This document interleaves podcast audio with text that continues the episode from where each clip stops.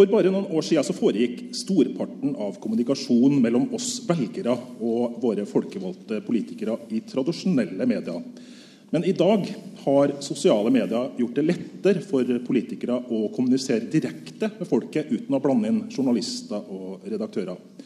Fra før var redaksjonene vant med at de i stor grad sjøl kunne sette dagsorden, og nå er de utfordra av det som skjer på sosiale medier utenfor deres kontroll. Spørsmålet er om dette er bra, eller om det er en fare for demokratiet. Og I dag så har vi tatt turen ut av studio for å diskutere det her på scenen under mediekonferansen på Hell. Velkommen til P2s mediemagasin Kurer. Jeg heter Lars Erik Ertsgaard Ringen.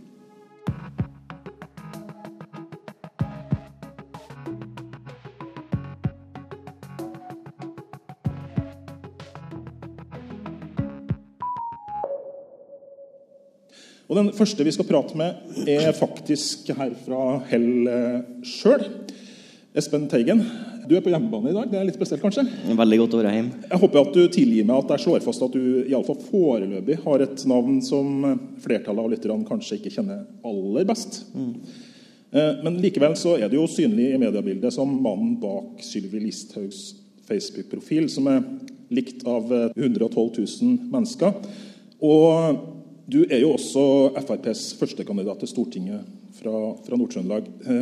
Hvor, hvor, lenge gikk det egentlig fra du fikk jobben som rådgiveren til Sylvi Listhaug, og til du kom ut av skapet? altså At det ble kjent at det var du som var mannen bak Sylvi Listhaug på Facebook? Det har alltid vært ganske åpent til oss, da, for jeg har vært med på veldig mye livesendinger. og alt mulig sånt, Så det har vært åpenbart at det er noen som jobber sammen med Sylvi. Jeg tror man er ganske naiv hvis man tror at statsråder ikke har en rådgiver som hjelper seg. Eh, men eh, jeg starta i mars i fjor og kom ut av skapet hvis du skal bruke det, i november. Ja, for Det var en eh, artikkel var det i Dagens Næringsliv, men det var også ja. avslørt at du var mannen bak Sylvi Listhaugs Facebook-profil. Det stemmer. Og da hadde vi nettopp runda 100 000 følgere. så det var veldig artig. Hvordan var den tida altså fra du ble ansatt og, og fram til du ble, ja, kom ut av skapet, da, hvis du skal fortsette å bruke det uttrykket, i forhold til tida før? Var det, var det noen forskjell? Altså, det, var jo, det var jo kjempespennende, og vi har gjort så mye. Og vi har satsa veldig tydelig, og, så gjort, og vi har fått til noe som er spesielt. Men uh, hva tenker du om at det faktisk fremdeles, selv om du har kommet ut av skapet til gangs, da, eh, er folk som tror at det faktisk er Sylvi Listhaug som svarer? Og... Jo, men altså, Hun svarer jo på veldig mye sjøl. Og alt som vi legger ut altså av innlegg, og sånt, det er jo godkjent av hun sjøl. Så det er ikke noe sånn uh, Hvis det er én som kjenner Sylvi, så er det noe meg, da. Eh, i arbeidssammenheng. I hvert fall. Og Da er det sånn at da kjenner du statsråden din, og du lærer deg hvordan de snakker og formulerer seg. Du har jo, som du sier selv, sagt at Sylvi godkjenner alt jeg gjør på mm. sosiale medier. Eh, men hvor sant er det? Hvor mye godkjenner og hvor mye initiativ tar du sjøl? Altså, det mange av ideene som kommer opprinnelig fra meg, men det er jo alle innlegg, videoer, tekster vi legger ut, er godkjent av hun. De har sett. Eh, men så kommenterer vi og svarer på ting, og ofte så er det ganske vanlige spørsmål som blir stilt, og dem syns jeg bør besvares. og eh, Det er ikke noe hemmelighet også at jeg er med på å bidra til det, men ofte så svarer jeg sjøl òg. Jeg syns det er rart å skrive under Sylvi Listhaug når det er du som skriver? det går veldig fint for min del. Hvor mye av det som er skrevet av kommentarer på Sylvi Listhaugs Facebook-side, sletter du? En god del. Det avhenger litt av hvilken type saker og hvor mange kommentarer. selvfølgelig. Men noen dager kan det være noen titalls, og andre dager kan det være oppi flere hundre som blir sletta. Hva er det du sletter, egentlig? Rasisme, diskriminering, personsjikane, personangrep, sånne ting. Det, det, er litt begge deler, men uh, for vi har jo vært ganske harde. Vi har utestengt veldig mye folk som bare er der for å lage faen. Uh, det vi sliter med, er både trolling og, og folk som bare kommer for å bare lage trøbbel. Kurer i dag skal jo handle om politikere på sosiale medier. og Politikere på sosiale medier er jo veldig forskjellige. Eh, enkelte politikere modererer bort kritiske spørsmål og meningsmotstandere på sine sider på sosiale medier. Hva, hva syns du om det? Jeg syns ikke det er en god idé å sensurere folk. Eh, vi må klare å tåle at det skal være et åpen debatt også på sosiale medier. og Det er det som er hele hensikten. Jeg mener at Sosiale medier handler om at det skal være dialog mellom folk. og Da må det også være en form for sivilisert debatt. Men da må man klare å oppføre seg som folk. Tror du det er lett å være meningsmotstander og komme inn på Facebook-sida til Sylvi Listhaug og være eh, kritiker? Kan være at du får uh, høre deg litt fra enkelte i kommentarfeltet, men sånn er det nå i en debatt. Hvis det er én plass man bør klare å ha fri debatt, så bør det iallfall være på Facebook, der absolutt alle kan delta, så lenge du bare har en Facebook-profil. Så jeg syns det er en grunnleggende verdi med det. At, for Hvis vi gjør det, så da har vi jo mista hele poenget med den åpne og frie debatten i sosiale medier.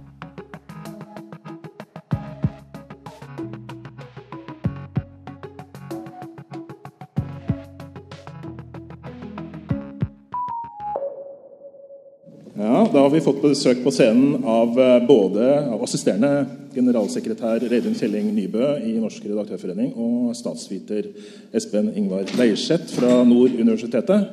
I tillegg til Espen Teigen, da, som eh, vi allerede har hilst på. Aller først, eh, Espen Ingvar Leirseth, hva, hva gjør fremveksten av politisk direktekommunikasjon på sosiale medier med det offentlige politiske ordskiftet i Norge?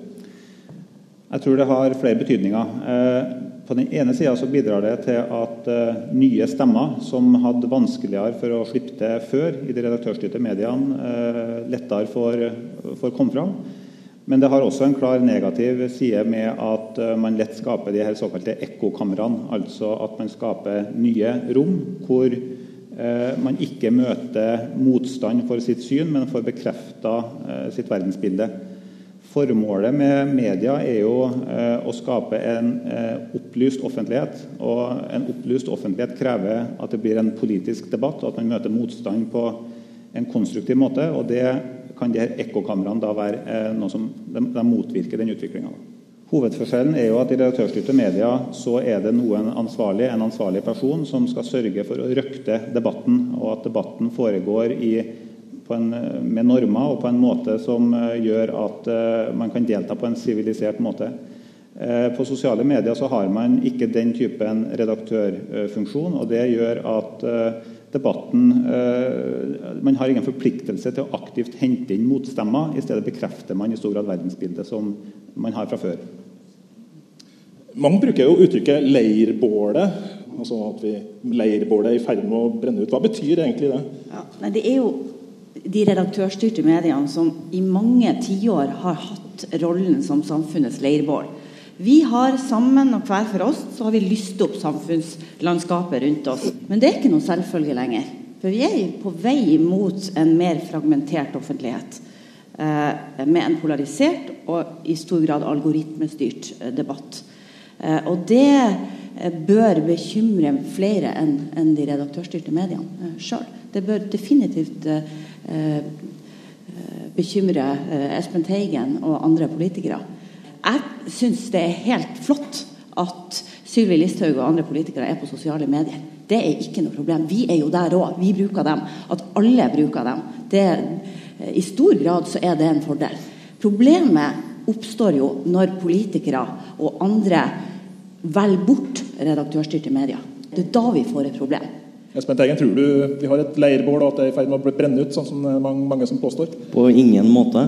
Eh, og jeg vil gjerne få et eksempel på når vi har valgt bort redaktørstyrte medier for sosiale medier. Nei, vi, altså Sylvi Listhaug eh, har eh, er, er, er, flink til å stille opp i media. Og, og, eh, og stiller både på, på, sosiale medier og, og i redaktørstyrte medier. Men vi har en justisminister i Norge som senest for en uke siden trua med å boikotte Nord-Norges største avis.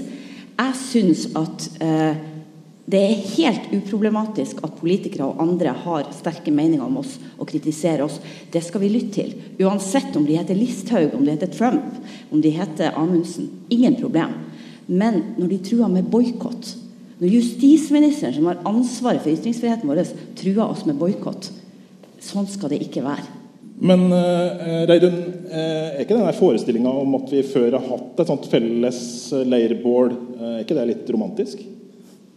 Altså, vi, vi har hatt en Vi har jo hatt en, en felles offentlighet i større grad tidligere. Og så kan man jo ikke si at den er borte nå. Det er den ikke. Men dagsordenfunksjonen til mediene er, er altså vi, vi har, Før så kunne vi sette en, en, en sak på dagsordenen og hadde på en måte makta med det. Eh, så behøvde vi stort sett ikke å forholde oss til eh, folk. Vi kunne forholde oss til kildene våre, vi kunne forholde oss til reaksjoner. Det fikk vi et leserinnlegg, og vi fikk en og annen telefon til redaksjonen.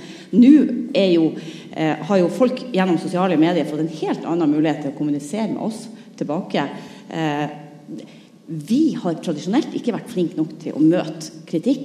Eh, mediene. Det må vi være flinkere til. Vi må være mye flinkere på å lytte. Eh, vi har tradisjonelt vært altfor dårlige på å innrømme feil. Det syns jeg fortsatt vi er for dårlige på.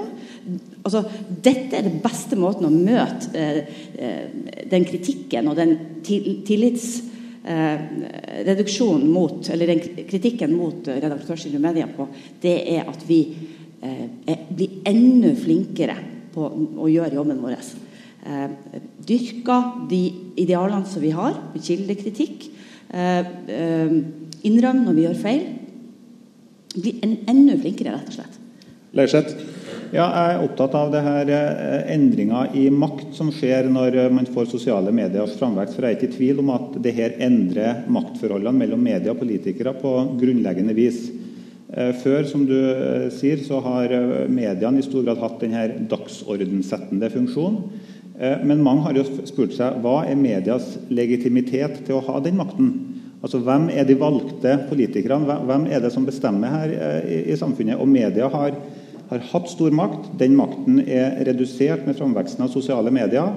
Og det kan man bare konstatere at den utviklingen har skjedd. Og så kan man mene er det riktigst at media skal ha den dagsordensettende funksjonen, er det riktigst at andre krefter, andre verdier i samfunnet skal ha det. Og Da tenker jeg det blir et spørsmål om ok, hva er mest demokratisk. Eh, og jeg, vil gi mye rett i det at eh, media har hatt stor makt. og eh, Spørsmålet er hvordan man har forvalta den makten. Har man klart å ta inn de verdiene og de interessene i samfunnet som, som, ikke har altså Hva med de verdiene og interessene som ikke har blitt synliggjort i media? De har nå større mulighet til å nå fram, og det er jo på en måte en styrke for demokratiet. Når det er sagt, så er jeg jo helt enig i at eh, det har klare ulemper ved seg ved at man ikke får et godt offentlig ordskifte. Men samtidig det er viktig å ikke svartmale at framveksten av sosiale medier og, og Sylvi Listhaug sin Facebook-side er ikke noe entydig negativt uh, for demokratiet, sånn som jeg ser det i hvert fall.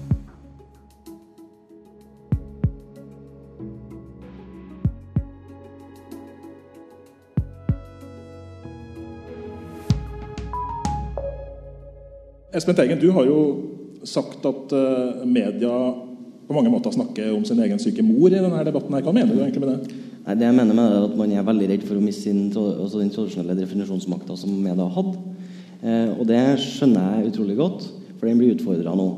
Og så syns jeg at det er litt sånn trist at man får det til å fremstå som hvis en politiker snakker uten et filter, altså en journalist mellom, så skal det liksom være eh, verdens undergrunn for eh, demokratiet. Det tror ikke jeg noe på. For det som er forskjellen nå, og det man sier at å nei, det er algoritmestyrt hverdag, eksempel, som ble nevnt her tidligere, det er folkelig engasjement. Det er folk flest som mener at det her er viktig for meg, det her engasjerer jeg meg i. Og da har de mulighet til å ta del i en debatt nå. Mens før var det folk som satt på et kontor, som ikke nødvendigvis hadde kontakt med alle de her menneskene, som bestemte akkurat hva de skulle lese den dagen. Og nå er de med på å styre det sjøl, og det syns jeg er grunnleggende positivt for demokratiet. Eh, jeg mener at det pågår en form for kamp om, eh, om sannheten. og altså At alle uh, typer miljø representerer et verdisett som har betydning for hvordan de forstår verden. Også enhver redaksjon, også ethvert politisk parti, også enhver samfunnsgruppe.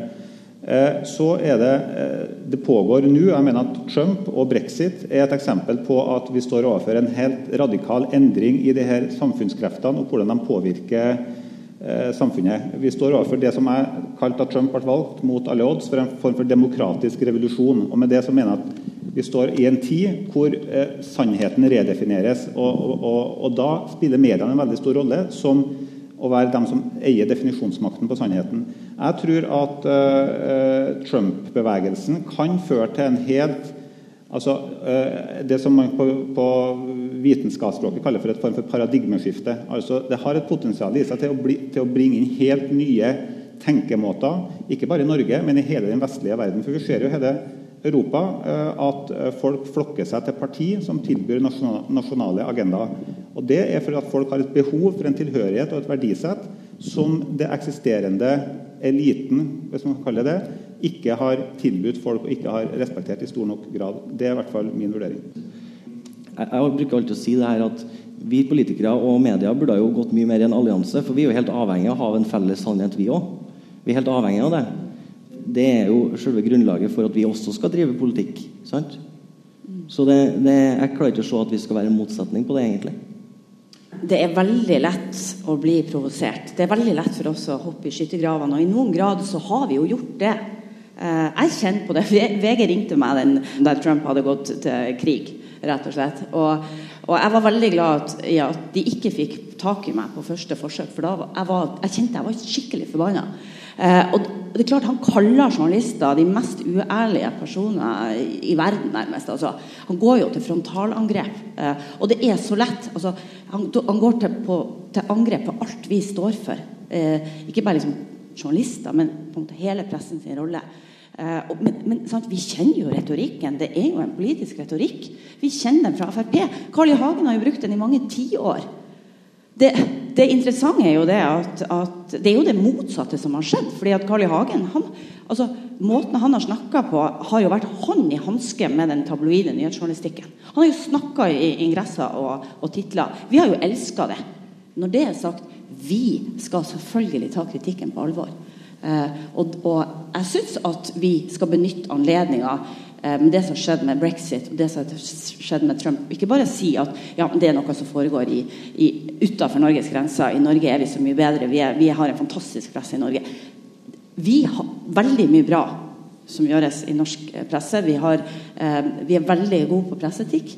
Eh, men vi skal passe oss for at vi blir for At vi tror at vi er ufeilbarlige Eh, vi skal lytte eh, til kritikk. Vi skal eh, tenke over hvem er det vi representerer. Er vi i for stor grad en del av eliten? Stiller vi for få kritiske spørsmål til makta? Har vi noen slagside? Det er en del av vår varselplakat. Vi skal stille kritiske spørsmål til hvordan vi sjøl fyller vår samfunnsrolle. Jeg syns ikke vi er flinke nok på det. Jeg synes Vi er blitt bedre på det. Vi er blitt bedre på åpenhet om metodene og de etiske valgene våre, men vi har fortsatt lang vei å gå. Ja, Du er jo veldig opptatt av å at det skal være mulig å kritisere media. Eh, hvor viktig er det at det er mulig å kritisere Frp sin holdning til media òg? Jo, det må man gjerne kritisere. Eh, men jeg syns at eh, Og jeg begynner jo å ha ganske mange eksempler da, på at f.eks. min sjef blir feilaktig fremstilt i media. Enten at fakta er feil, eller at det er ikke skeiv vinkling, men at det er satt i en kontekst som ikke stemmer. Og Når vi da rykker ut i sosiale medier eller andre medier for å prøve å korrigere det her bildet, så merkes det jo en form for avmakt hos våre følgere og våre folk når man da føler at man blir konsekvent feilaktig fremstilt.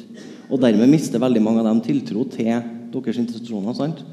Og det er jo det er jo ikke noe vi gjør eh, for å være ekkel, men det er jo for at når vi blir fremstilt som, som TV 2, som hadde eh, den saken med han som fikk tilbakekalt statsborgerskapet sitt, der overskrifta var 'Offer for Listhaugs harde linje'.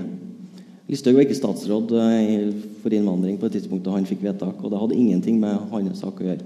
Og Når man da konsekvent gjør sånne feil, og TV 2 har gjort mange av dem, og veldig mange andre har gjort mange av dem, da blir det en avmaktsfølelse. Og Da føler de at de mister tillit til media.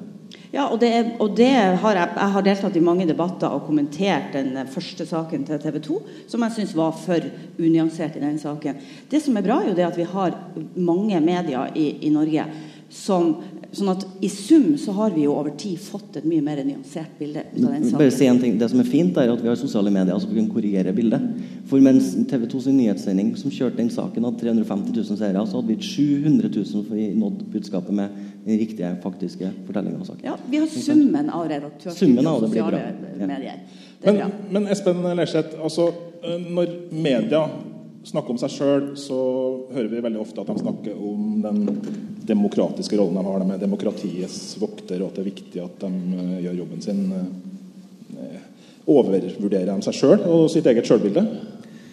Eh, har, media har åpenbart en veldig viktig rolle. og så korte svaret på spørsmålet ditt er jo i festtaler. Ja, det gjør man jo, men det gjør vi vel alle. Men det er jeg, jeg, jeg, må si meg enig med det journalistene som er til stede på konferansen. her hvor vi i dag hørte Hans Gelmuden i går, eh, som var raljert over at media var for dårlig til å eh, ta tak i den viktige, den vesentlige journalistikken og sette den på dagsordenen i en fase hvor det er mulig for borgerne å involvere seg i politikken. Og Det må jeg bare si, eh, sette to eh, strek under. Jeg syns eh, for mye av journalistikken som skjer i norsk media generelt, er eh, tant og fjas og visvas, og for lite av den vesentlige, viktige journalistikken som kan påvirke samfunnet. Det skjer selvfølgelig veldig mye bra, men det er for lite av den typen viktig, vesentlig journalistikk som, går, eh, som er blitt nedprioritert til fordel for klikkbasert underholdning, fjas, som ikke har noe støtte i demokratiske taler om medias rolle for demokratiet. Men det, er, det, som er interessant, er jo da at vi samtidig som vi er langt kommet i Norge og har stor grad av åpenhet, så ser vi også masse trusler mot pressefriheten. Vi opplever myndigheter som også bruker festtaler eh, for å snakke om åpenhetens velsignelse, men som i praksis gjør det stikk motsatte. Vi ser skruene strammes til. Byråkrater og politi politikere som helst vil være i fred, skjerma fra de plagsomme spørsmålene. Kanskje på sosiale medier, der de får styre det og ikke får de vanskelige spørsmålene fra media. Og så ser vi stadig mer informasjon som blir styrt og tilrettelagt i ukritiske kanaler av informasjonsrådgivere. Der omdømmetenkinga også i det offentlige blomstrer. Alle vil være enige i at det er viktig å ha en presse som kikker makten i kortene. Spørsmålet er om pressen i dag gjør det godt nok. Eh, mitt korte svar på det er nei. Det gjør de ikke. Eh, et eksempel. Eh, det ble nå sist uke beskrevet en veldig stor verdikonflikt i Statistisk sentralbyrå, som dreier seg om modeller som påvirker den økonomiske politikken i Norge for mange mange år framover, og kan ha stor betydning i forhold til å endre samfunnet, for det dreier seg om planlegging av økonomisk politikk på makronivå. Ingen media, med et par hederlige unntak, har omtalt det her. Eh, jeg mener å huske at det var eh, Dag og Tid som beskrev det. Og Det er, eh, mener jeg er et eksempel på at man ikke det, det er veldig bra at det har kommet fram nå, men at det ikke er dekt mer i kan det mainstream media, er et det er veldig uheldig å vise at man må være mer på banen for å ta tak i de viktige sakene. For denne saken kan ha stor betydning for hvordan det går i Norge de neste fem til ti årene. Og Det er jo partifellen til Espen Teigen som, som er øverste sjef ved Statistisk sentralbyrå gjennom finansminister Siv Jensen. og Derfor er det opplagt en politisk interesse i å påvirke den politikken som skal føres i Norge i mange år. og Det er ingen, ikke noe tema for debatten her, men det er eksempel på en viktig sak som media bør heise, selv om den er vanskelig å, å ta ned til å gjøre du-journalistikk og klikkhoreri av. Helt til slutt, eh, hva syns du om eh, pressens jobb som demokratiets forsvarer? Jo, jeg, jeg syns pressen er veldig viktig i det. Men jeg syns de bør være flinkere på å undersøke og det, det eksempelet som Espen her kommer med, er veldig godt. fordi det, det er et viktig sak som ikke blir dekka nesten i det hele tatt. Mens uh, veldig mange andre saker som overhodet ikke har noen relevans for noen folk sitt liv, egentlig blir dekka. Så jeg syns uh, journalister må gjerne være mye mer kritiske. Og um, jeg syns de stiller altfor enkle spørsmål også til både meg og til, til Sylvi. For vi har jo ikke problem med å svare på det. Og eh, jeg syns ikke man skal skape et bilde av at eh, myndighetene er så forferdelig vanskelige med media. For vi svarer på det vi får, eh, får, spørsmål om. Kanskje ikke på en halvtime, som VG gjerne vil ha, men vi gjør det så fort vi kan.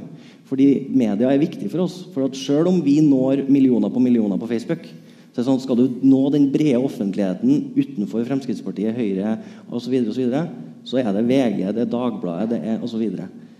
Og Med det så må vi dessverre sette strek for Kurer for denne lørdagen. Eh, gjester på scenen har vært eh, Espen Teigen fra Frp, eh, assisterende generalsekretær Reidun Kjelling Nybø i Norsk redaktørforening, og statsviter Espen Ingvar Leirseth fra Nord universitetet. Produsent for sendinga var Anna Iversen, og navnet mitt er Lars Erik Ertskåringen.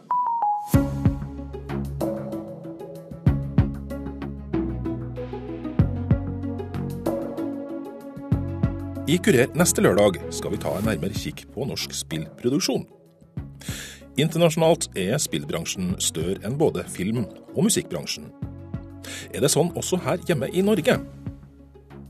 I programmet skal vi dessuten høre mer om en internasjonal norsk spillsuksess, og hvordan den ble til. Det, det var liksom bare helt uh, ufattelig at folk faktisk likte spillet vårt. Og så få så utrolige tilbakemeldinger. Det Ja, nei, vi, vi brast egentlig alle ut i gråt den dagen vi lanserte det, for det ble litt sånn Ja, det ble litt mye på en gang, rett og slett.